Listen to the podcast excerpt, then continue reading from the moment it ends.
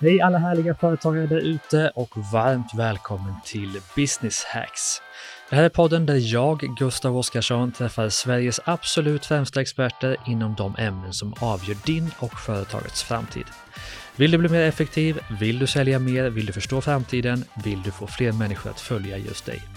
I Business Hacks får du genvägarna till framgång och jag ser verkligen fram emot att ha just dig som lyssnare.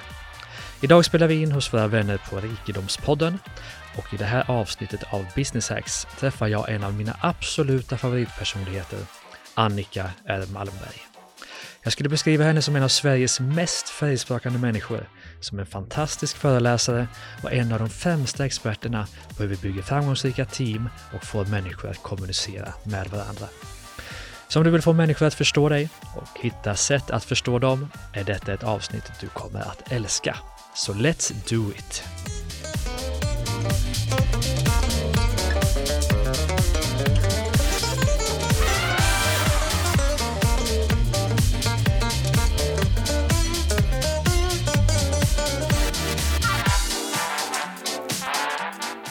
Du är varmt välkomna till det här avsnittet av Business Hacks där jag har besök av en av mina absoluta favoritpersonligheter i Sverige. Hon kallar sig själv för Annika Malmberg och det är också hennes namn, eller hur Annika? Välkommen hit! Ja, det är Annika R Malmberg. Ja, men precis. Och du är ju väl kanske mest känd som föreläsare och eh, författare till en rad böcker. Eh, och kanske, ska vi säga att ditt huvudämne är relationer och team. Säger jag fel då, eller säger jag rätt? Jag skulle nog sammanfatta det i kommunikation, kom överens med andra och prestera tillsammans. Mm, precis. Och om en tidning skulle beskriva dig och din expertis, hur skulle de beskriva dig? Jag hoppas att de skulle använda den titeln som jag gärna använder, framgångsexpert. Att jag hjälper grupper och individer att få mer framgång i sina liv och framför allt när det gäller att kunna jobba tillsammans. Och jag tror också att de skulle säga att jag är en etablerad föreläsare och författare, någon som har gjort det här väldigt länge. Som man är trygg med att skicka upp på scen, för att hon kan sina grejer och hon kommer leverera. Verkligen. Och du är ju fantastisk på scen och böckerna är också fantastiska naturligtvis. Och det vill jag passa på att säga. För Ja, och läsarna det säkert. hoppas jag att du säger för att du menar det, inte för att du ska vara trevlig nu. Ja, men jag har ju en kvar som jag inte har läst och det ska jag, det ska jag villigt erkänna. Vilken är det då? Det var ju den jag fick av dig sist, ute i Nacka. Jaha, var det den om färgerna och personprofilen? Ja, mycket möjligt. Make it Vad heter den? Ja, make it work. Ja, exakt. Ja. Fick du med det också? Ja. Det är helt Mm. perfekt. Mm. Men du, varför är just du expert på detta? Ja, på just eh, relationer och samarbete, jag skulle säga att det är det som jag har fastnat för när det gäller ja, vad kan jag hjälpa människor med då? Och jag har ju jobbat i 31 år som utbildare och varit inne och haft eh, utbildningar i ledarskap, eh, säljträning, du vet alla de typer av ämnena som finns idag som man behöver ha i ett företag för att det ska bli framgång. Och sen har du väl insett att det som jag kanske tycker att mitt hjärta slår hårdast för, det är just det här med samarbete och eh, kunna bygga starka arbetslag. Sen håller jag ju på med en, en sport utöver det jag gör i yrkeslivet som heter multisport som också bygger på lag och samarbete. Jag tävlar och tränar ihop med min man och vi coachar också flera multisportlag i att vara bäst när det gäller. Och då blir det ju ännu mer fascinerande att se vilken skillnad det faktiskt kan bli när man börjar träna på kommunikation och lära känna varandra och att det faktiskt kan påverka prestationen på ett sätt som inte många trodde var möjligt. Mm, verkligen. Och det jag måste ta upp ändå som jag tycker är jättekul, du har ju just fått en diplomering som föreläsare. Kan du inte berätta lite om det? Ja, det är ju roligt. Det finns ju många sätt att uh, få en, ett betyg som talare. Man kan ju bli årets talare, du vet, få såna här utmärkelser och priser och så. Och det kan ju ibland bli lite godtyckligt beroende på vilken, ja, vilket företag som står bakom och så. Men nu har det ju kommit ett verktyg som helt oberoende av vinstintresse, om vi säger så, till, till att tjäna pengar på talaren, som bara vill analysera talare. Eh, Och det heter ju speaker rating som betyder att alla talare som vill kan skicka in ett klipp, alltså ett, ett inspelat klipp på dig själv när du är på scen. Jag tror att det ska vara 18 minuter. Och utifrån de här 18 minuterna som man får se av din leverans så betygsätter de din prestation. Och jag tror att det finns, är det inte 110 olika steg? Nu är jag Mm. lite osäker på om det är 110. Jag tror att det är 100. Det här kan ju David G.P. Phillips bättre än jag, men jag tror att det är 110 steg som man ska ha full pott på för att kunna få det högsta som heter Diamond. Eh, Och jag ligger på den näst högsta nivån som är Platinum idag. Och eh, det är inte så många talare som är där. Jag tror att jag är den enda kvinnan i Sverige som har fått Platinum, men jag vill ju vidare. Jag vill till Diamond. Och självklart så ska vi ta oss dit, men kanske inte idag Annika, utan det vi ska fokusera på idag, vi har ju en massa härliga företagare som lyssnar på den här podden. Och de är ju nyfikna på hur de kan få dina tips för att bygga starka team och för att få människor att prestera tillsammans och verkligen skapa eh, fantastiska relationer, kanske framför allt i sina företag. Så att mitt mål med, den här, med det här avsnittet är att vi ska skapa en actionplan mm. för dem eh, inom de här ämnena. Så om, om du var företagare, hur skulle din plan se ut för att verkligen lyckas med kommunikationen och teamkänslan? Ja, först skulle jag nog ta reda på vart vi är på väg och vad vi behöver för kompetenser för att nå dit vi ska. Mm. Och att jag då när jag bygger mitt team inte så mycket går utifrån hur jag själv är, utan mer tittar på vad behöver vi ha för kunskaper och färdigheter och så. Så att jag, det blir ju väldigt lätt så att framförallt tror jag när man bygger egna bolag, att man lätt liksom rekryterar människor som, som liknar en själv. Eh, och att de man liksom gillar och, ja du vet, vi funkar bra ihop och så, så tänker man, du kan jobba med mig. Mm. Och det är ju bra att man har liksom förutsättningar att gilla varandra, men det är inte alltid säkert det är de bästa för att du ska kunna komma till nästa nivå. Så att börja med att titta vad behöver för kompetenser, färdigheter och så. Och så lära känna sig själv och veta vad är jag bra på, vilka är mina styrkor och vad är det kanske som jag inte är så bra på. Jag kanske inte är så bra på att reflektera, eh, jag kanske inte är så bra på att kritiskt granska. Då kanske jag borde hitta någon som är bra på det, som kan vara med i mitt team. Så att jag bygger upp ett komplett lag. Det tror jag är det första. Och sen, när vi väl har hittat de personerna som då tillsammans kan bli, ha förutsättningar att göra något riktigt bra, att vi lär oss om varandra, att vi är olika, att vi inte kan göra om varandra, vilket många verkar tro.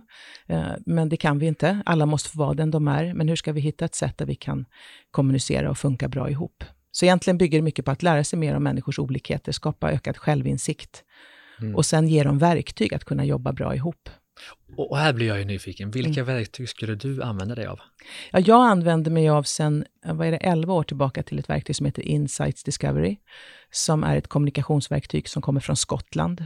Uh, och uh, det finns ju mängder med sådana här verktyg idag. Myers-Briggs, IDI, DISK, uh, ja, PSI. Det finns ju hur många som helst. Och jag kan ju säga att det är ett av de mest kraftfulla verktyg som finns för att just lära känna varandra. Det är inte det enda du behöver för att bygga starka team. Det är ett verktyg. Det finns flera. Jag hoppas vi ska komma in på mm. de andra också. Men jag kan säga att det här är en sån bra start. Att börja med att inse att vi är olika. Vi får vara olika. Det är bra att vi är olika.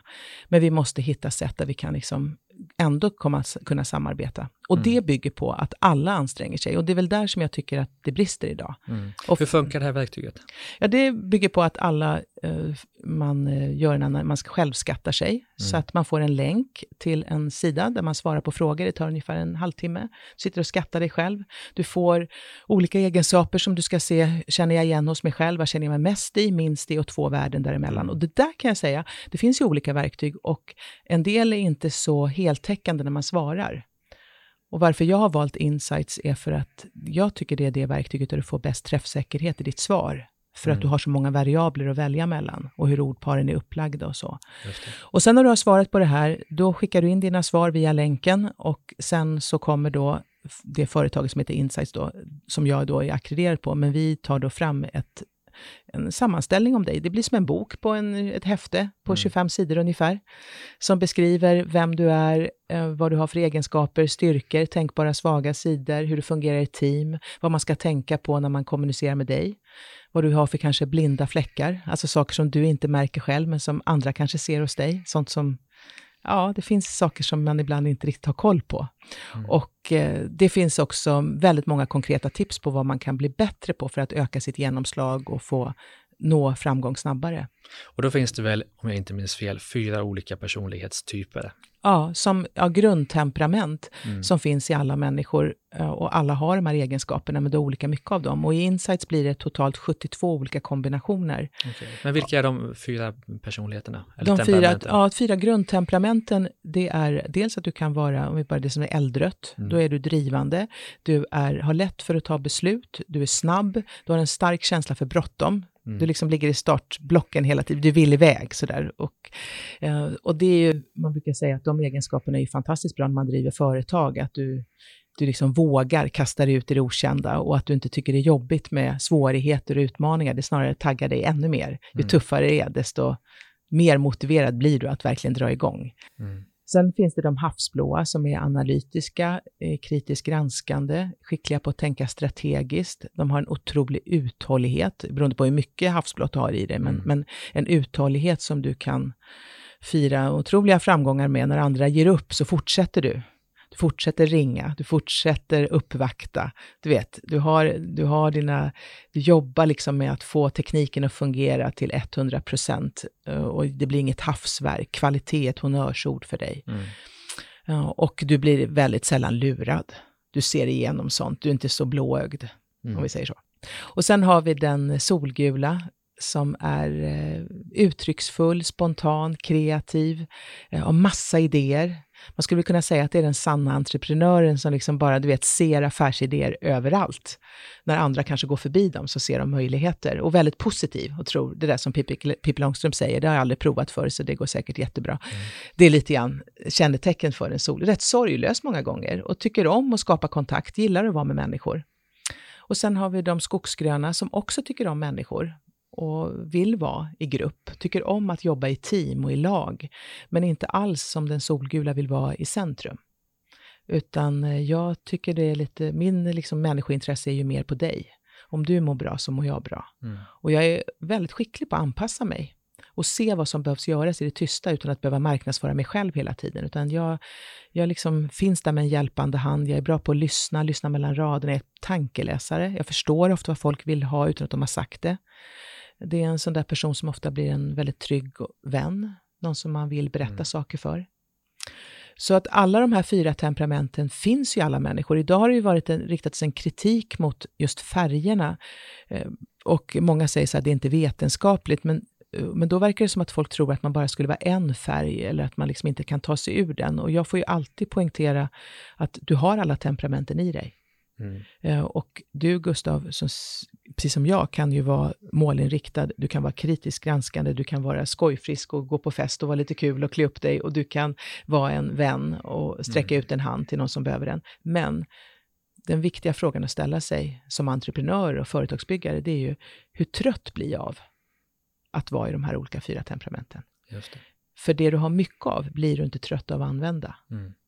Men det du har lite av kan du göra men det kommer ta på dina krafter. Och det är där jag menar att du ska bygga ett starkt lag. För om jag nu vet att jag är väldigt bra på att ta kontakter och vet, knyta kontakter med människor och skapa saker och sätta igång saker, men att jag inte är lika bra på att det här med att, du vet, alla detaljer och läsa det finstilta, mm. då är det ju oerhört viktigt att jag har någon annan som är bra på det. Mm. Jag kan ju träna upp mig att göra det, men är det smart? Är det verkligen företagsekonomiskt och liksom är det det smartaste. Mm. Att jag sitter och gör någonting som tar väldigt mycket tid, som dränerar mig på kraft och gör mig utmattad och nästan nedstämd. Är det inte bättre att jag gör sånt som jag blir glad av, mm. som vi kan tjäna pengar på, och så har jag någon annan som blir glad av att läsa det finstilta? Verkligen. Och du som företagsledare måste då förstå hur du ska behandla de olika typerna. Ja, och framför allt eh, så, så ska du acceptera att de är som de är och att det inte är din uppgift att göra om dem eller lära dem hur man ska vara istället. Och det här är ju rätt intressant. Jag jobbar ju mycket med försäljning och, och eh, ibland kan man ju tro att det är bara de extroverta färgerna, alltså de solgula och de eldröda, de som mm. har lätt för att ta initiativ, att det är de som kan sälja. Och det skulle jag verkligen vilja slå hål på den myten, för att jag har ju träffat ganska många framgångsrika havsblåa och skogsgröna säljare, relationsbyggare, skapare som är fenomenala på försäljning. Men de jobbar ju på ett annat sätt. Mm. Och det som är den stora skillnaden om jag nu är chef och jag själv är den som har byggt företaget. Låt säga att jag är extrovert, det är inte ovanligt. Mm. Att jag är äldre och solgul, jag har en bra affärsidé, jag har slagit mynt av den, jag bara kör. Så här. Och sen ska jag ha in fler som ska sälja, så kanske jag har rekryterat någon som är mer analytisk och lite mer tillbakadragen och så. Och sen så skickar jag ut den personen som säljare och det händer ingenting. Och då säger jag, det är en värdelös rekrytering. Vad är det där för människa? Liksom? Vem har anställt honom? Det går ju inte. Det här är hopplöst fall. Jag har hört det så ofta. Och vad man har gjort är att man har tagit en person som är en människa som vill göra saker rätt och som är liksom lite mer försiktig general. Och så har man skickat ut honom eller henne utan några som helst verktyg. Och då händer ingenting. Mm. Eh, till skillnad från en, en sorglös extrovert person som bara kör på känsla så vill en mer introvert människa ha en manual. Jag vill veta att jag gör rätt och jag vill förbereda mig. Så att om du ägnar lite tid till att tala om för mig hur jag ska göra den här uppgiften så kommer jag ju lyckas oändligt mycket bättre. Mm. Och eh, där slarvas det idag. Och det är lätt att liksom avfärda en, avfärda en människa som att han inte klarar det här, hon är inte bra på det. Men de har ju aldrig ens fått chansen att visa att de är bra. Mm. Och har du tränat upp en person och gett dem en manual och riktlinjer så har du en annan fördel sen, för de kommer ju mata på. Eh, och det här har jag ju sett hos fastighetsmäklare. Det är ju rätt vanligt att fastighetsmäklare är eldröda och solgula det är rätt typiskt, liksom. gillar mycket människor, bra på snabba affärer, liksom, ute och snacka så här. Eh, och sen kommer en ny typ av fastighetsmäklare som har koll på varenda kund, jobbar metodiskt, presenterar alla argument på ett enastående bra sätt, har liksom lärt sig läxan och sen presenterar alla de här delarna när de är ute och följer upp kunderna och plötsligt så bara matar de in affär efter affär efter affär. Så att eh, det, ja, det finns liksom inte ett sätt att sälja på, inte ett sätt att göra affärer på. Så man kan inte säga att olika personlighetstyper passar för olika typer av, av roll i bolaget? Det skulle man ju kunna säga, men, men det är ju, jag skulle säga att om jag är starkt introvert så kanske jag inte skulle bli lycklig av att hela tiden vara ute och jaga nya affärer och stå mm. på mässor och träffa människor. Jag skulle bli väldigt, väldigt trött. Det finns en risk att du som chef, om du sätter mig som jag är egentligen en person som vill liksom jobba mer noggrant och ordentligt med saker och ting och du kastar mig ut i sådana där vet, sociala uppgifter med mycket människor och där jag inte får chans att förbereda mig. Risken är ju att jag kommer må dåligt efter ett tag. Mm. Uh, så det får du väl till, vi måste ju ha en dialog om det, om jag ska göra det här så mycket som du vill att jag ska göra det. Mm. Och för mig som driver företaget då, hur viktigt är det att jag förstår hur jag ska behandla olika personlighetstyper? Är det avgörande för all framgång i bolaget? Ja, där, jag hävdar ju det, att mm. det, har en, det är otroligt viktigt för dig, för att du ska få människor som är hela och hållbara och mår bra. Eh, och det är väl något som är värdefullt, att, att vi får vara någonstans där vi få ta nytta, eller dra vara på våra styrkor. Mm, och mm. då mår vi ju som bäst. Så att det är väl jättebra att du ser mig. Sen så kan du ju ställa krav på mig och stretcha min förmåga också, att jag får göra lite nytt som inte... Det är som jag sagt till mina barn när de nu är vuxna och ska ut i arbetslivet, att du kan ju inte tro att du bara får göra sånt som du gillar när du ska ut och jobba. Mm. Och om jag nu är en sorglös, eh, du vet, kreativ person så tänker jag att jag vill bara vara ute och göra så här roliga. Nej, det kan du inte göra. Du måste anstränga dig ibland för att sitta på din bak och eh, fylla i alla dokument och göra dina Excel-ark och, eller vad det nu är för någonting. Mm. Och det kommer inte du tycka är lattjo men du måste göra det.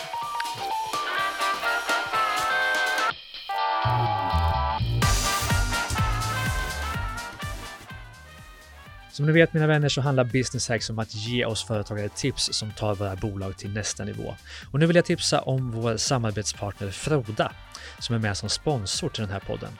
Froda hjälper företag genom att erbjuda smarta finansieringslösningar. Till exempel har det ett enkelt och smidigt företagslån riktat till småföretagare som behöver kapital. Klicka in dig på froda.se businesshacks. Ansökan är gratis och görs online på bara några få minuter med hjälp av mobilt bank-id. Inga dokument behöver skickas in, ingen krånglig admin, precis så enkelt och smidigt som det behöver vara för småföretagare som har lite tid. Tack Froda för att ni gör det enklare för oss som driver företag.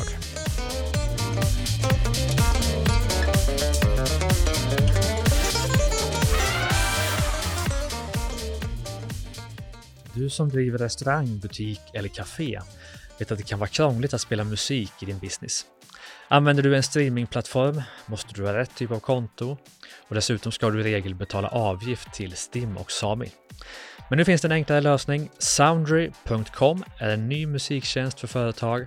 För 169 kronor per månad får du tillgång till ett stort utbud av kurerade spellistor med musik. Musik som kommer från artister som står utanför STIM och Sami. Spellistorna är speciellt sammansatta för att passa olika typer av företag och uppdateras regelbundet. Utöver att du sparar tid med färdiga spellistor behöver du inte betala avgift till STIM eller Sami om du använder Soundry. Soundry har plockat fram ett härligt prova på-erbjudande enbart för er som lyssnar på den här podden. Så gå in på soundry.com podd. Det är alltså Sune, Ola, Uno, Niklas, David, Rickard, Yngve.com podd. Alltså soundry.com podd och signa upp så får ni en hel månad med gratis musik. Inte illa, det älskar vi. Tack så mycket Soundry för att ni är sponsor till podden.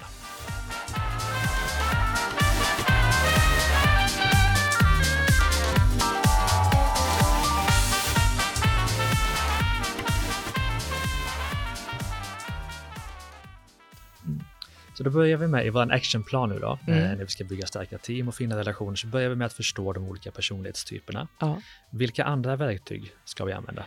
Eh, då skulle jag säga att vi behöver ett, ett verktyg för att bygga team och hur vi skapar en god teamanda i vårt bolag. Mm. Och det sker inte av sig självt. Utan eh, då får man, ja man kan ju göra på, man kan ju läsa böcker, man kan gå en kurs, man kan få Får gärna ge ett boktips. Ja, ja alltså jag ska säga så här, det finns olika, men om du vill bygga en stark ledningsgrupp så finns det ju en Patrick Lencioni, som, eh, den heter ju Five Dysfunctional Teams, alltså fem saker som gör att ett team blir inte funktionellt då. Jag kommer inte ihåg vad den heter på svenska, men den finns både på engelska och svenska. Bättre att läsa den på engelska tror jag. Men eh, Lencioni, kolla honom, så Patrick Lencioni. Den är väldigt bra för att se hur man bygger en stark ledningsgrupp som har ett gemensamt syfte och där man liksom är starka tillsammans. Eh, och eh, sen så finns det ju, ja, jag skriver ju om team i mina böcker. Tändvätska har ju ett kapitel som handlar väldigt mycket om hur man bara gör när man bygger ett bra arbetslag. Och där finns olika referenser också. Men, men eh, Richard Chang är också en amerikan som skriver mycket om team, teamstrukturer. Men man kan sammanfatta det, du som gillar konkreta tips, mm. så säger man du ska ha ett tydligt uppdrag. Och det gäller för ditt eget team och andra team som sätter igång. Tala om liksom vad är uppdraget. Sen ska teamet sätta upp ett syfte, mål och syfte. Och, och många chefer som jag träffar och också entreprenörer säger, ja men syftet är glasklart. Så det behöver vi inte prata om, det vet alla. Ja, men då brukar jag alltid börja med att alla får ett papper och penna. Och så ber jag alla var och en skriva ner, vad är syftet med det här teamet? Eller vad är syftet med det här bolaget? Liksom när vi, du vet, är, varför finns vi så? Och om det nu är ett litet bolag, så själva bolaget är ett team. Och det är så intressant när folk läser upp vad som står på de här papperna. Mm.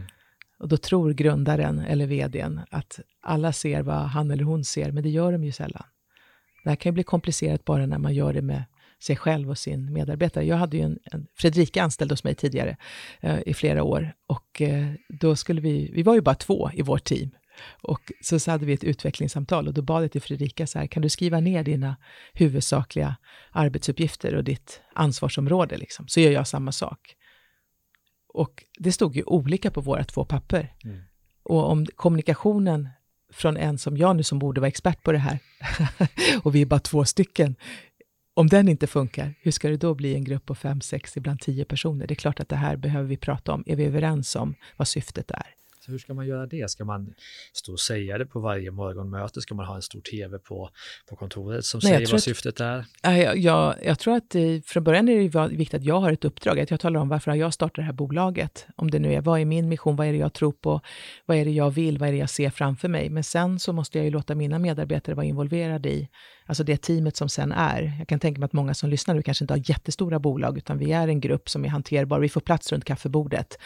Eh, så. Men att vi som jobbar ihop, ska vi tillsammans bara enas om, ska vi skriva ner ett syfte? Sen kanske vi har mindre grupper i gruppen också. Vi har några som jobbar med ekonomi och bokföring, några som jobbar med försäljning. Låt dem skriva sitt eget syfte. Eh, gör en syftesbeskrivning. Och om någon undrar vad det är, ni får jättegärna mejla mig efteråt. Jag kan skicka över dokument. Det finns checklistor för hur man tar fram en syftesbeskrivning. Mm. Hur kan man mejla dig? Eh, till Annika, snabela, annikarmalmberg.se. Jag har ett, en dokumentation som heter Att lyfta varandra, där det finns alla mina verktyg för team och samarbete och de delar jag gärna med mig av, så det är bara att mejla. Jag, jag blir nyfiken, vilka mer verktyg har du att, att ja. dela med dig av? Jo, men sen har jag det som är att sätta fram, eller alltid i grupper så jobbar vi med, när, vi, när syftet är klart, för det är ju, man har jobbat med det, så tar vi fram eh, spelregler, eller regler för vår grupp. Eh, det tror många är, alltså det behöver vi inte ha, det är väl rätt självklart. Nej, det är nog väldigt bra. Och då kan man börja med att eh, man sätter sig ner på ett möte eller en konferens och så ber man alla medarbetare, eller man kan sitta i, i grupp om vi inte är så många, annars två och två, och bara skriva upp vad är det allt som irriterar mig idag, till exempel när vi har våra möten. Eller när vi ska samarbeta, vad är det som jag stör mig på? Liksom? Vad skapar frustration och irritation i mig? Och det, jag lovar dig, folk har saker. De har bara aldrig fått frågan. Och sen upp med det på en whiteboard eller ett blädderblock. Allt ska bara upp. Och så utifrån det här så försöker vi hitta nu några gemensamma nämnare och då ser vi vad är det vi ska ha för regler i vår, i vår grupp. Att vi förankrar det vi beslutar, kanske, som en regel. Att vi pratar med varandra, inte om. Att vi kommer i tid till våra möten. Att vi är förberedda. Du vet, sådana här olika regler som vi sen alltid kan använda oss av. Och det, det är klart att någon kommer missa det där. Någon kommer komma för sent. Men då kan gruppen själv säga, nu är du tio minuter sen. Mötet började nio. Ja, jag vet, sorry. Och så har man skapat lite nödvändig olust och då blir inte det ett personpåhopp. Ingen behöver ta illa upp, för vi vet ju att det är våra regler. Och när du kommer hit och pratar om Charlie säger vi som inte är här med mig, då har inte du, nu har inte Gustav gjort det, men låt säga att han skulle göra det. Och då så ska jag direkt säga, men du vi tar det när Charlie kommer. Ja just det säger du, det gör vi. Att vi hjälper varann att hålla oss till de här reglerna, för vi är ju människor, det är klart vi gör fel ibland. Mm. Så spelregler, regler, en väldigt eh, viktigt för ett starkt team att ha. Så det är ungefär som att man vet vad som gäller när vi är på spelplan. Följer man inte de här så blir man utvisad, du får sitta på bänken. Och det, mm. Alla är medvetna om det. Det skapar en trygghet i gruppen. Och sen tycker jag också om att ha tydliga roller, inte bara roller för vad ansvarar du för Gustav, vad ansvarar jag för? Det kan ju till och med vara så att vi har signat våra roller. Det gör man i många produktionsteam. De är ju, alltså många team inom industrin är så grymma på samarbete. Och de har ju ibland digitala eller ibland har de fysiska whiteboards där de sätter upp allt som rör teamet. Det är där de samlas, tar en kaffe, du vet, när man har break i arbetet. Och jag har till och med varit ute i produktionsteam där, där varje individ har sin egen roll uppsatt på whiteboarden och så har de signat den som ett kontrakt, du vet med sin underskrift. Jag vet att det här ligger på mitt ansvar och det har jag skrivit under på. Otroligt kraftfullt. Så sådana tydliga roll, roller och ansvarsbeskrivningar som alla vet om, men sen också ha mötesroller. Har du använt det någon gång? Nej. För att, vad tänker du på för roller på ett möte? Du har ju suttit med på många möten. Ja, någon som skriver någon form av protokoll kanske, ja, någon proto som är ordförande, ja. någon, någon, som kommer för sent. ja, i bästa fall finns ja. de där två rollerna, ordförande och sekreterare. Och jag vill ju addera några roller till det. Mm. Så att jag vill ha en terminator, och eh, jag kan säga att det här är ett jättebra tips. Alltså, ta såna, vika papper, bordsskyltar till nästa möte. Det här kan alla göra. Eh, och så skriver du upp de här rollerna. En, en bordsskylt står ordförande, en annan står sekreterare. Sen kan du ha en terminator. Och terminatorn har rätt att avbryta. Och vi kanske har eh, en regel som säger att vi låter alla prata till punkt, liksom, för att vi blir irriterade, man ständigt avbryter varandra, möten i mötet och så. Så vi har en pratare och de andra lyssnar. Det är en bra regel, det är artigt och trevligt och så. Eh, men det kan ju också få konsekvenser att vi har någon som aldrig slutar prata. Eh, någon som fastnar i ett ämne eller vi har en person som liksom kommer av banan och nu är vi inte, pratar vi inte om det vi skulle prata om. Och då går terminatorn in. Så om jag är terminator på vårt nästa möte, då vet jag att jag får gå in och bryta när jag tycker du pratar för länge om något. Eller när kanske någon i vårt lag börjar liksom skoja för mycket. Så det är ju trevligt, men det var inte det vi skulle göra nu. Och ingen blir sur när Terminatorn går in. För Terminators roll är att döda, och det vet alla. Inte bokstavligen nu då. Och sen behöver vi en eh, motsatsen, en åsiktsdragare. För att det blir ju lätt så att det är vissa som pratar mer än andra. Och eh, hur kommer man runt det? Jo, att vi har någon i gruppen som har som uppgift att bara se till att nu har Gustav suttit tyst en stund. Vad tycker du Gustav? Håller du med mig? Du vet så. Eller ska vi köra en laget runt på den här? Håller alla med Janne? Eller vad säger ni? Ska vi bara fråga alla? Du vet, så det är åsiktsdragarens roll, att se till att alla får vara delaktiga. Och sen en tidhållare, någon som håller koll på klockan. Att vi inte liksom drar över, pratar för länge. Så det, det finns ett antal sådana roller. Någon som är lite trivselfixare, som ser till att vi kanske gör något som stimulerar kreativitet och nytänkande, eller vi får något gott att äta, mumsa på under mötet, eller att vi har mötet på en helt annan plats, så att vi liksom också blir kreativa. Och om du prövar att göra så på nästa gång du har ett möte, att du ger alla roller, får sin bordsskylt, jag lovar dig, du kommer få ett annat resultat. Många känner sig väldigt obekväma, tycker nästan det är lite så här, eh, du vet, eh, som i lekis, liksom, vad är det här? Är vi, vi är ju ändå vuxna människor. Men pröva får ni se. Jag är oerhört fascinerad av vilket resultat det blir när man får gå in i en sån tydlig mötesroll. Mm, spännande. Jag vill tipsa om ett annat verktyg som finns. Jag tror det heter Meeting Ticker. Känner du till det? Nej. Det är, jag tror det är en webbsida, meetingticker.någonting. Ticker, ja. ja. Då lägger man in, alltså alla personer på mötet får lägga in sin egen timpenning, för det har man ju ofta. Jag är ja. värd 1000 spänn i timmen, någon är värd 700 spänn i timmen. Och sen så räknar den då ihop hur mycket alla på mötet är värda i timmen. Wow. Och sen trycker man på start Och du börjar räkna ner, eller räkna upp gör du väl egentligen. Ja, just det. Hur mycket så, som... så hur mycket det mötet kostar företaget då. Och det är otroligt jobbigt. Och sen finns det en knapp som man kan trycka på när man är färdig, som heter Stop the bleeding. Ett helt underbart verktyg. Det låter som ett väldigt eldrött verktyg.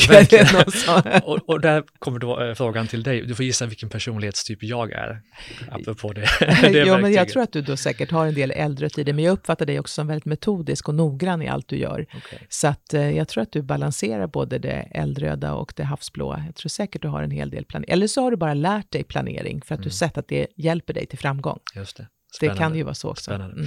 Så då har vi det, äh, mötestyperna eller mötesdeltagartyperna. Äh, har vi något mer verktyg i vår ja, actionplan här? Ja, att vi har, äh, vi har bestämt när vi, vilken typ av möten vi ska ha mm. i vår grupp. Och hur, alltså egentligen är det inte mötena i sig det viktiga, utan det är ju hur ska information och samordning ske i vår i vårt eh, företag, eller i vår grupp då.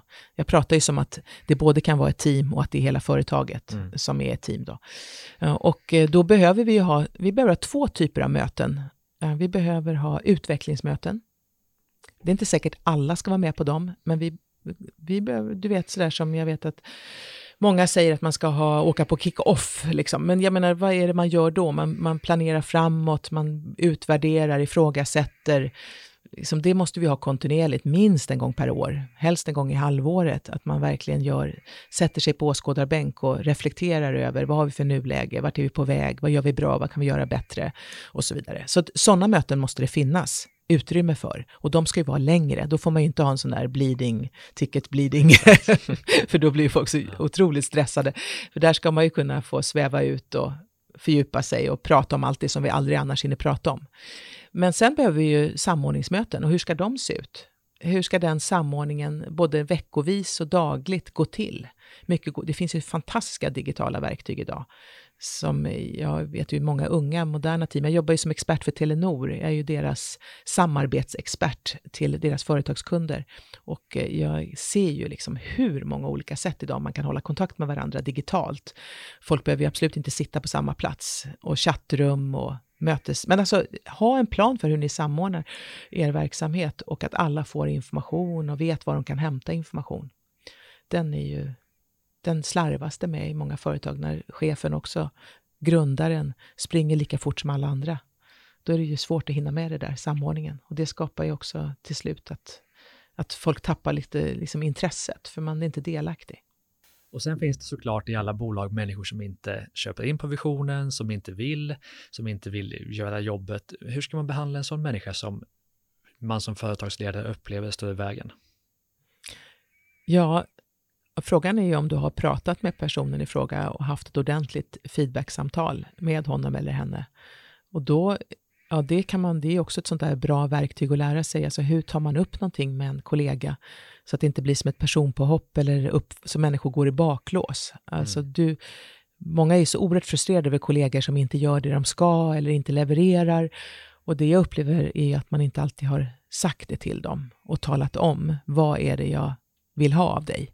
Så där måste du ju börja. Har du tagit mm. ett ordentligt snack med den här personen? Hur gör man ett sånt samtal? Ja, det finns ju det finns också checklistor för hur man gör ett bra feedbacksamtal och hur man tar upp någonting med en kollega. Det skriver jag med både min bok Tändvätska och i Make it work, eh, en, en guide till fungerande relationer. Men kort kan man väl säga att du alltid börjar med något positivt, uppskattande. Det gör du ju alltid när du ger feedback, så ska du alltid börja med något sånt.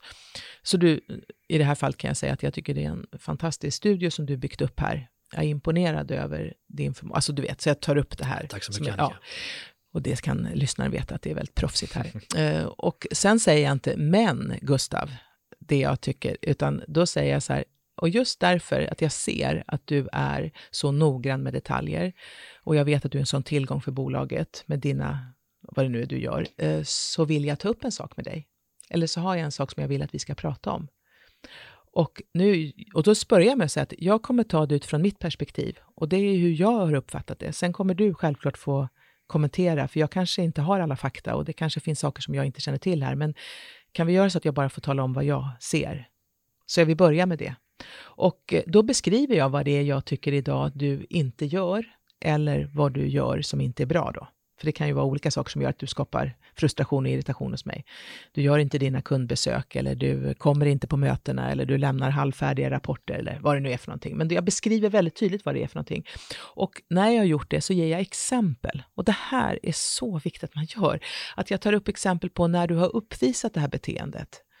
Eh, och det kan, då ska jag ha det, jag kan ha det nedskrivet, tagit med mig. Så det hände i, senast i fredags när jag hade bett dig, du vet. Och det, och det var likadant uh, i tisdagen, alltså samma vecka, när, du vet, så jag har mina situationer. Det får inte vara så himla långt tillbaka, för då kan ju folk undra varför har du inte sagt något tidigare?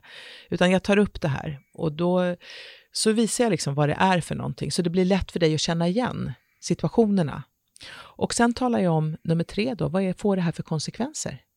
För det här är inte något jag tar upp bara för att jag vill jäklas med dig, eller att jag är en taskig person eller att jag bara stör mig på det, utan det får konsekvenser att kunderna inte får materialet, kollegorna drabbas för de inte får saker i tid eller för att hur andra ser på oss. Liksom, vilken bild, ja, det finns ju alltid en konsekvens av ditt beteende. Eh, och sen frågar jag efter det, vad tycker du Gustav, känner du igen dig i det här eller är du med på vad jag menar? Och nu är det ju, nu vet ju inte jag hur, hur illa, hur ont det här gjorde för dig. Det kan ju vara att även om jag har lindat in det nu och gjort det på ett bra sätt så finns det ju en risk att, det, att du går i baklås att det blir jättejobbigt att höra det här. Så dina försvarsmekanismer kickar igång och det är ju viktigt för mig att känna till, att du kommer kanske ha en väldigt bra förklaring till varför det har blivit så här. Det är inte ditt fel egentligen, utan du har ju visst gjort, ja, allt det där måste jag ju känna igen som chef och eh, att människor vill försvara sig och det är mänskligt att göra det. Det är liksom en naturlag att man försvarar sig. Men då i så fall säger jag bara, okej, okay, ja det kan vara så, men du kan väl fundera på det jag har sagt. Vi kan prata om det här igen nästa vecka, men, men fundera på om du kan möta mig i mina synpunkter och vad det jag har sagt. Mm. Så att det får landa. Så det kan vara så. Det viktiga är att vi avslutar, avslutar samtalet med att jag visar att jag fortsatt tror på dig. Att det inte är så att jag på något vis har gett upp hoppet eller att det är kört, utan jag ser ju alla de här egenskaperna som du har, du gör rätt. Eh, men jag vill att vi kommer till rätta med det här. Och sen får jag se vad som händer. Eh, och det här är ju då, det samtalet som jag la upp nu som en fyrstegsraket, alltså att eh, från det att jag börjar med att säga någonting positivt, jag sen då beskriver agerandet, ger exempel, talar om vilka konsekvenser det får och sen som fjärde punkt frågar om du känner igen dig i det här. Det är ju en metod att jobba efter och den gör man ju när man vill ta ett sånt där lite jobbigt samtal. Sen finns det situationer när en medarbetare faktiskt gör något som bryter mot våra regler. Och då är det en annan sak. Alltså du har, fastän vi har sagt att vi ska komma i tid, så Gustav, nu har du kommit för sent tre dagar i rad. Då behöver inte jag hålla på och linda in något feedbacksamtal. Då bara, jag trycker inte upp dig mot väggen, men ungefär, det ska vara mycket tydligare än så. Jag bara säger, Gustav, det här är inte okej. Okay. Du vet, då bara talar jag om. Eh, du har ett arbete, du ska vara här klockan nio. Om det inte det funkar, då måste vi hitta en annan lösning. Frågan är om det här, alltså du vet, så. Jag kan inte ha det så. Shape up. Så då är man ju jättetydlig. Eller vi har sagt vi har en klädkod, liksom. vi klär oss på ett visst sätt. Och, jag, och då kan jag gå på en medarbetare och bara säga det att vi har ju kommit överens om att vi har liksom fräscha kläder, det där är inte fräscht. Eh, du får gå hem och byta. Alltså jag tycker man kan vara stenhård i sådana lägen. Där är vi inte så bra i Sverige, men en tydlighet skapar trygghet. Och det låter ju så enkelt när du säger det här. Nu har du verktyg för ditten och datten och ja. teamet och relationerna och mötena och samtalen och allting. Så varför misslyckas vi? Ja, för att det är, det är vi människor och vi själva kan tycka att vissa saker är obehagliga. Och just det här med att vara rak, eh, som vi vet ändå är det som medarbetare uppskattar mest, alltså när man pratar om att vi vill, vi vill ha feedback. Det skapar tillit och trygghet i en organisation, att du talar om att jag vet att du pratar med mig och inte om mig och jag vet att du engagerade mig. Ändå kan det ju för många vara jobbigt att ha de här samtalen. Kanske för att jag är en relationsperson själv, jag vill inte såra. Jag kanske har ganska mycket av skogsgrönt i mig. Den här eh, färgen som handlar väldigt mycket, temperamentet som handlar om att jag vill alla andra väl. Och då mår jag ju dåligt av att vara för rak mot dig då. Är jag mer eldröd, då har jag inte ont i att säga som det är. Men då kanske jag å andra sidan blir för brutal, så att jag inte tänker på att visa hänsyn. Så då dundrar jag på i 180 och då blir människor oerhört sårade och så har de inte hört vad jag sagt. Så det, det vi började prata om, självinsikt, är ju väldigt bra. Att jag vet vem jag är och hur jag uttrycker mig och vad jag behöver tänka på när jag pratar med människor som inte är jag. Min första bok hette ju Ta skit gör det till guld. Det, den eh, byggde ju egentligen på hur man ska ta kundklagomål, men jag passar ju på i den boken också att skriva om hur man ska ge kritik och hur man ska ta emot kritik. Och där har jag ju en sak som jag upprepar alltid, det är att behandla inte människor som du själv vill bli behandlad, utan behandla dem som de vill bli behandlade och särskilt när du ger feedback. Och det här säger jag till alla lyssnare nu som vet att jag själv är en rak person. Jag uppskattar en rak dialog. Ja, men ta det ändå varsamt när du pratar med en människa som inte är lika eldröd som du. Mm. För de kanske inte säger något och du tror att det har landat rätt för du fick ingen reaktion, men du har ingen aning om hur de tog emot det här. Och jag vet ju personer som kan gå och bära på sådana här samtal i månader. Och det påverkar deras arbetsprestation, för de tror att du inte gillar mig, att du är missnöjd med mig och besviken på mig och jag mår dåligt över det. Och du har inte fattat någonting, varför jag går ner på låg liksom, varv och inte presterar som jag skulle. Så att, eh, medan en äldre person kanske istället, jag ska visa den där jäkeln att jag visst är bra. De tänder till av den där raka feedbacken och sen bara knyter de näven i fickan och så kör de på i 180. Så att du får ju olika reaktioner på ditt sätt att vara beroende på vem personen är. Mm. Och det är ett fantastiskt tips. Men, men vilket är det sämsta tips du hör inom det här området? Uh, ja, men det är väl att man, det skulle väl vara det här att man ska ge människor goda råd utifrån vad som har funkat för en själv. Mm det är nog det sämsta, att, att man ger till andra det man själv vill ha. här, att man utgår från sig själv. Ja, men jag tycker det här är bra. Det här hade jag uppskattat om jag var ny. Eh, eller när jag har tagit jobb någonstans och jag tyckte att det här var bra. Jag gillar ju liksom att alla umgås utanför jobbet och tar en öl ihop efter jobbet, så, så tror jag att alla tycker det är kul. Nej, alla är inte som du. Eller vad det nu kan vara för mm. någonting. Så det är nog det, det mest korkade. Det näst mest korkade, det är de som säger att, att man inte kan prata om människors personprofiler. Och det hör jag ganska ofta idag. Att man säger att det, det går inte att dela in människor så här. Och, och jag, tycker, jag måste säga, jag tycker det är korkat att säga så. För det är klart att man kan se skillnader i hur människor är. Eh, och sen gäller det ju bara att kunna veta hur man använder den kunskapen. Mm. Så om vi ska sammanfatta, nu har vi fått massa verktyg, massa tips. Om vi ska sammanfatta det här i någon form av plan mm. i fem steg, vilka, vilka är stegen? Uh, och tänker du nu att jag har grundat ett bolag och jag ska mm, bygga ett starkt team? Precis. Tänker du så? Yes. Ja, vi får se om vi, vi får hjälpas åt här nu, att vi kommer ihåg allt som jag har sagt då. Ja. Mm. Men nummer ett, jag tycker ändå vi börjar där, det är att jag börjar med mig själv. Självinsikt. Mm. Så att jag blir en ödmjuk person och att jag inser att jag inte är bra på allt. Utan jag skulle börja med att göra en inventering om mig själv. Självskattning om mig själv kanske med en coach eller någon. Alltså, vem är jag? Vilka är mina styrkor? Vad, vad är det jag ska bygga mitt liksom, företag på utifrån vad jag kan, min egen kapacitet? Uh, så det är det första. Sen nummer två, det är att jag då ser vilka är det jag behöver runt omkring mig? Vilka har jag omkring mig? Det kanske är att jag ska liksom bygga mitt team, eller så har jag mitt team. Men då får jag göra ett nuläge på en inventering på vilka finns här. Och då tänker jag ju då på både kompetensmässigt, vad jag behöver för kunskaper och skicklighet och yrkesskicklighet och kontakter och så. Men sen också utifrån temperament. Vilka kompletterar mig här? Har jag några i mitt team som är bra på det som jag är dålig på? Det måste jag ha. Ja, eller så får vi bara bli oerhört skickliga på att träna upp den förmågan och verkligen fokusera på att bli bättre på att analysera, för vi är inte det. Då måste vi avsätta tid för det. Så att jag tänker så. Så det skulle vara nummer två. Först är jag själv, sen nummer två. Mm. Och sen nummer tre då, det skulle väl vara det här med att eh, hitta syfte. Eh, och, alltså allt det här som är teamstrukturerna. Syfte och mål för teamet, är vi överens om det? Vårt uppdrag kopplat syftet och sen eh, roller.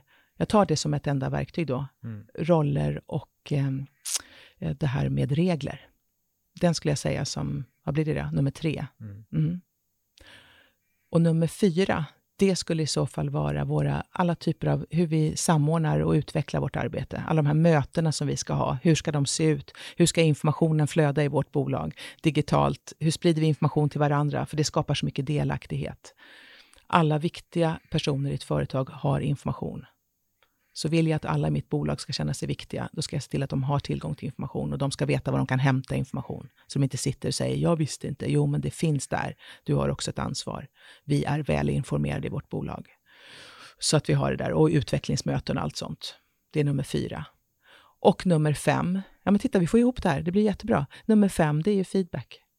Mm. Ja, och eh, ja, feedback är A och O när du bygger bolag och när du hjälper människor att utvecklas.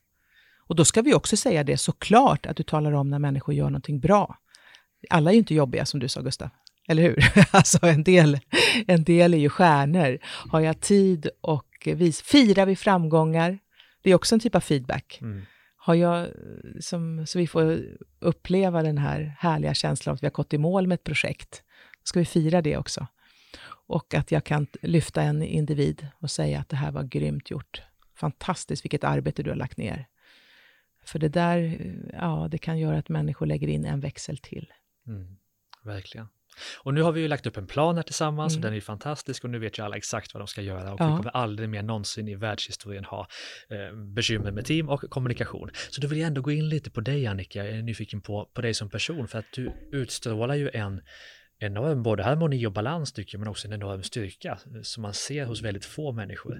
Tack. Så jag är nyfiken på, finns det någon, något citat, någon värdering du lever efter som har varit avgörande för dig?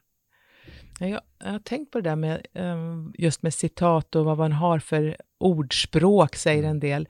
Och jag har väl mer ett ordspråk som gäller, och som jag tror mycket säger eh, en del om vem jag är. Och det är ju inget som egentligen är så klokt sådär, men det är bara att inte utan mig. Det är mitt ordspråk. Alltså, jag vill vara involverad. Och det ska andra veta som jobbar med mig.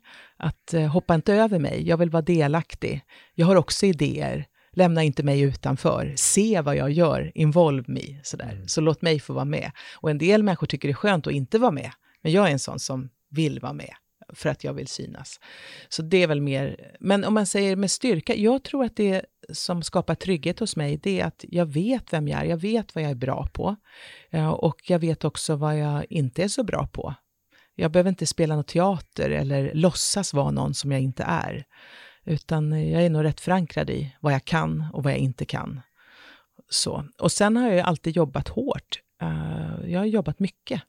Uh, och jag tycker inte det är något konstigt att göra det. Alltså jag, jag tycker om att ta i, oavsett vad det är för någonting. Och jag inser väl också att saker som jag kan idag, det är ju inte för att jag har någon talang eller smartness, utan jag har ju slitit och jobbat hårt. Och då tycker jag att då kan väl jag tala om att jag kan det här nu. Det har ju, inte, har ju varit en resa. Mm. Så jag är inte så rädd för att säga att jag är bra på saker. Samtidigt tycker jag att, att de flesta jobbar ju hårt och det ah. räcker ju inte att jobba hårt, det är ju min tes. Nej. Så finns det några vanor som du har varje dag som har hjälpt dig att ta dig dit du är idag? Jag har väl alltså varit så smart att jag jobbar hårt med det som jag får utdelning på. Mm. Det kanske, så att jag har jobbat mina styrkor då. Eh, det är väl en sån sak. Sen vanor är väl att jag... Ja, jag har väl en sån här jag tränar ju regelbundet, om man nu kan säga det som en vana. Jag tycker ju om att, att eh, kroppen ska hållas i trim, man ska vara stark och man ska jobba mycket så måste man orka det, som att man är fysiskt i form och sköter om sig själv, vad man stoppar i sig och så, allting sånt. Eh, men en vana som jag har, eh, som jag hoppas jag lyckas med, det kan säkert vara att jag missar någon gång, men om jag, jag håller vad jag lovar. Mm. Eh, och in, i början var det så att jag, om jag nu har en sån att jag vill vara involverad, då är det lätt att tacka ja. Ja, men det gör jag. Ja, men det vill jag ju vara med på. Ja, men jag kommer. Och sen kan det ju vara att det blir för mycket, att du inte orkar kanske allt det du sa. Och så är man som man ställer in i sista minuten. Och det är ju, det där är ingen trevlig människa. Alltså jag tänker på att du kan ju säkert ha sådana i din vänskapskrets också, eller ditt nätverk, att du vet en del personer, har de sagt, ja men då kommer jag på fredag klockan två, då vet du, den personen kommer komma. Eller vi ska till helgen, men jag droppar förbi på söndag eftermiddag, då vet du, jag behöver inte dubbelkolla det. För han kommer. Och så finns det andra människor som man, även om de har sagt, jag kommer på, så vet man, jag undrar om hon kommer komma. Vet du vad jag menar? Mm. Alltså, och det där är ju, skapar ju någon form av osäkerhet i den personen, en konturlöshet och en otydlighet. Så att, eh, säg inte att du ska göra en sak om du inte tänker göra det. Och det gäller allt. Säg inte att du ska gå ner i vikt och, om du inte tänker göra det. Säg inte att du ska bli bättre på vad det nu än är. Alltså prata inte om saker som du inte tänker genomföra. Det är väl ett av de bästa råden som jag har fått själv och som jag också ger till andra och som jag verkligen försöker leva efter. Jag kan mm. säkert misslyckas någon gång också, men eh, den, jag tycker det skapar konturer. Var en person som andra litar på. Mm. Just det. Men du, vad är du nyfiken på just nu i livet? Uh, jag är jättenyfiken på hur jag kan ta mitt föreläsande till nästa nivå, det här med speaker rating. Vi kan komma in lite på det, för det är spännande. Ja. För många vill ju på något sätt stå på scen eller behöver stå på scen, vare sig det är en stor scen eller inför sitt, eh, alla medarbetarna. Mm. Kan du ge bara ett tips eller två kring det? Ja, alltså träna på... Det, det, finns ju saker du ska lära dig som det inte de som sitter och lyssnar irriterar sig på, sånt som stör. Det ska ju bara tränas bort. Eh, och det, dit kan man komma ganska snabbt, bara man har en bra coach eller ett bra verktyg, så du får reda på var, hur ska man röra sig, finns det saker som kan skapa irritation och du vet, som man inte är medveten om själv. Ehm, så det ska man ju börja med, men sen ska man ju ta det vidare. Och du kan ju bli helt fenomenal, helt fantastisk. Allting går ju att träna. Sen är det frågan hur mycket tid du är beredd på att lägga ner och hur viktigt det här är för dig. Det här är ju mitt yrke. Jag lever ju på att stå på scen, så för mig är det såklart prio ett. Mitt framträdande, det ska ju putsas på i all evighet. Och det roliga med speaker rating är ju att jag har ju föreläst i, ja, jag har utbildat och föreläst, stått på scen i 31 år. Så då kan, är det lätt att tänka att nu kan jag allt. Alltså det har lite grann känts så, vad kan, jag kan inte gå en kurs i presentationsteknik och tycka att jag lär mig någonting. Så har det varit, för jag tycker de säger sånt som jag redan vet. Men med speaker rating så blev det som en knockout, alltså för det var så många saker där i nyanser. Ungefär som man tänker sig att du skulle gå en skådespelarutbildning på Dramaten och du fick en, en av de bästa skådespelarna i Sverige som tittar på dig och hjälper dig att utveckla ditt sätt att nyansera rösten, använda ögonen, mimik, Alltså det är så många saker som jag inte har använt mig av. Häftigt. Och, det, och då blir det ju roligt igen, för det är det här vi glömmer bort. Vi, att anstränga sig är ju härligt för motivationen. Verkligen. Det är det. så det, jag, ja. sen, sen håller jag på med ett projekt för barn också som jag tycker är spännande. Eh, och eh, jag ska vara delaktig eh, i ett, en barnbok. Just det. Ja, som ska handla om motgångar och framgångar och hur man som barn hanterar Eh, det i första hand. Sen kanske vi ska komma med fler. Det finns redan en barnbok, så vi ska bygga vidare på ett koncept. Jag kan inte säga mer än så, men det kommer bli oerhört ja, spännande. spännande. Så det är ju någonting nytt för mig. Framförallt nu när mina barn är stora, så får jag en, jag älskar barn. Mm. Så nu får jag ägna mig lite åt det som jag tycker är så roligt också. Ja, vad kul. Mm. Men du Annika, podden börjar väl närma sig sitt slut, tänker Tyvärr. jag. Inte riktigt än. Men jag är ju ganska oerfaren som, som poddintervjuare, får vi väl kalla mig. Ja. Är det någon fråga jag har missat att ställa? Som du har ett jättehärligt svar på. jag tycker du hade svarat, ehm, eller ställt många bra frågor. Det var en sak jag precis tänkte på när vi mm. satt här och pratade tidigare, men det kanske kunde vara det där kring, kring ansträngning. För att eh, vi idag är så eller vi, vi pratar ju så mycket om psykisk ohälsa idag och all, alla alarmerande rapporter om att människor mår så dåligt. Och, um, jag, när jag var ung så visste jag inte vad utbränd var. Jag hade aldrig hört ordet. Eh, och jag tänker på det ibland, undrar om jag var ung, när jag började jobba så mycket som jag gjorde, för jag jobbade, alltså du vet, jag jobbade sent på kvällarna, mitt första säljjobb, jag var inne på helgerna och jobbade så. Jag undrar vad som hade hänt ifall alla de där larmrapporterna hade kommit då. Vad hade hänt med mig? Tänk om jag hade saktat ner tempot? Tänk om jag inte hade vågat sitta kvar efter fem? Om jag inte hade åkt på helgerna och jobbat eller suttit och pluggat in alla. Jag gick ju med mina, jag lärde mig ju texter utan till, säljfraser, jag gick i Nacka, du vet hela den här, vad heter det, Nackareservatet, med mina kort, som, alltså på helgerna och lärde mig liksom hur säger man, presenterar man saker på ett slagkraftigt sätt? Hur gör man avslut, olika avslutstekniker? Så gick jag träna och träna och träna. Alltså jag var ju, jag var otroligt eh, engagerad i det här. Men tänk om jag hade läst alla de där larmrapporterna Tänk om jag hade saktat ner tempot, vad hade hänt med mig då? Jag kanske inte hade varit det idag. Och med det vill jag ha sagt att jag har full respekt för att man måste ha, liksom lyssna inåt och inte jobba på ett sätt som är osunt. Men jag är orolig för att för många unga tror att det är farligt att jobba. Eh, och att det är farligt att ta i och att det är farligt att anstränga sig. Jag tror att många som mår dåligt idag mår dåligt för att de just inte anstränger sig. De har ingenting som de brinner för, det är inget som är angeläget och viktigt. De tar inte i för någonting. Man blir loj och det kan man ju också må väldigt dåligt av. Och många företag, företagare som jag träffar, alltså entreprenörer och framgångsrika personer som bygger bolag, de säger till mig att det jobbiga för dem är inte att jobba så mycket som de gör, utan det de verkligen sliter med och som tar kraft och energi från dem, det är att få försvara att de jobbar så mycket. För det är alltid någon som kommer, är det här, ska du verkligen jobba så mycket, är det bra? Du vet, och mm. folk är oroliga. Um, så jag vet inte vad alla som sitter och lyssnar tänker här, men, men eh, du måste ju alltid gå till dig själv. Du kanske har en kapacitet som är över genomsnittet, eller det, du kanske är i en fas i livet när det är okej okay att jobba mycket. Sen kommer det perioder i mitt liv när jag fick små barn och då kunde jag inte hålla samma tempo. Det säger sig självt. Men mår du bra, kör på liksom. Det är okej okay med de som är runt omkring dig. Va? Det är inte farligt. Nej. Men man måste återhämta sig och då koppla av. Och det gör jag genom att göra roliga saker och vara ute i skogen. Och, alltså hitta sätt där det inte bara är jobb, jobb, jobb hela tiden. Men tro inte att det är farligt att ha ett högt tempo. Det är det inte. Just det. Du, vem tycker du att jag borde intervjua i Business Hacks? Åh, som entreprenör? Och, ja, ja, en expert på något ämne, tänker jag. Lite som, som du är. Fast mm. gärna ett annat ämne förstås. ja, jag tycker, jag tycker du skulle ta David såklart som får prata om det här med vad han har sett utifrån det här speaker rating. Det är ju mm. oerhört spännande. Um, det skulle ju vara fascinerande att ta någon, jag skulle ju gärna vilja ta någon som har byggt upp kanske Eh, Eh, ett framgångsrikt eventbolag. Det tycker jag vore fascinerande att se, någon som hållit sig kvar länge. För de eh, jobbar ju mycket med människor som håller ett högt tempo på olika event. Hur får man ihop det teamet? De är spridda runt så. Jag sku, ja, jag skulle vilja att du tog hit någon eh, av min, eh, de som, eh, min sons eh, eller jag säger så här, min mans, inte min son, det är min bonusson. Eh, min, min man har ju två söner från ett tidigare äktenskap som driver bolag ihop. Eh, det är oerhört spännande. Bolag som växer enormt snabbt inom virtual reality och är, och är entreprenörer och har gjort saker på ett eget sätt. Eh, och jag, är, jag lär mig jättemycket av dem. Han heter William Hamilton. Hans bror Alexander är ju i Manila och jobbar, det är lite långt borta. Så att han, han kanske kan ha en Skype-intervju med eller någonting. Jag åker gärna till Manila. det kan du göra, åka dit.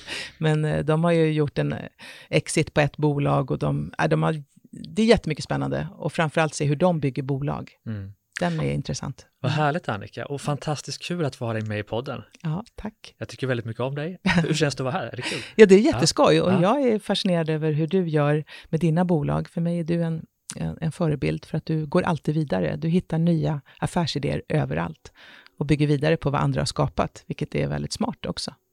Så att jag ska se med spänning fram och se vad du gör av det här. Både podden och allt annat som kommer. Härligt. Mm. Tack så mycket Annika. Tack. Jag hoppas att du gillade avsnittet lika mycket som jag gjorde. Du följer våra tre poddar, Starta eget-podden, Business Hacks och Ordinary People Who Do Badass Things, där du följer andra poddar, till exempel på iTunes, Podcaster eller drivaeget.se. Och ingen avslutning utan underbar musik från Soundly.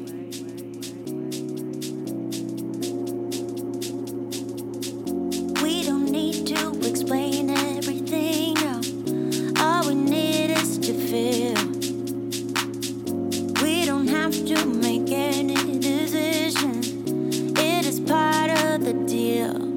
you like it?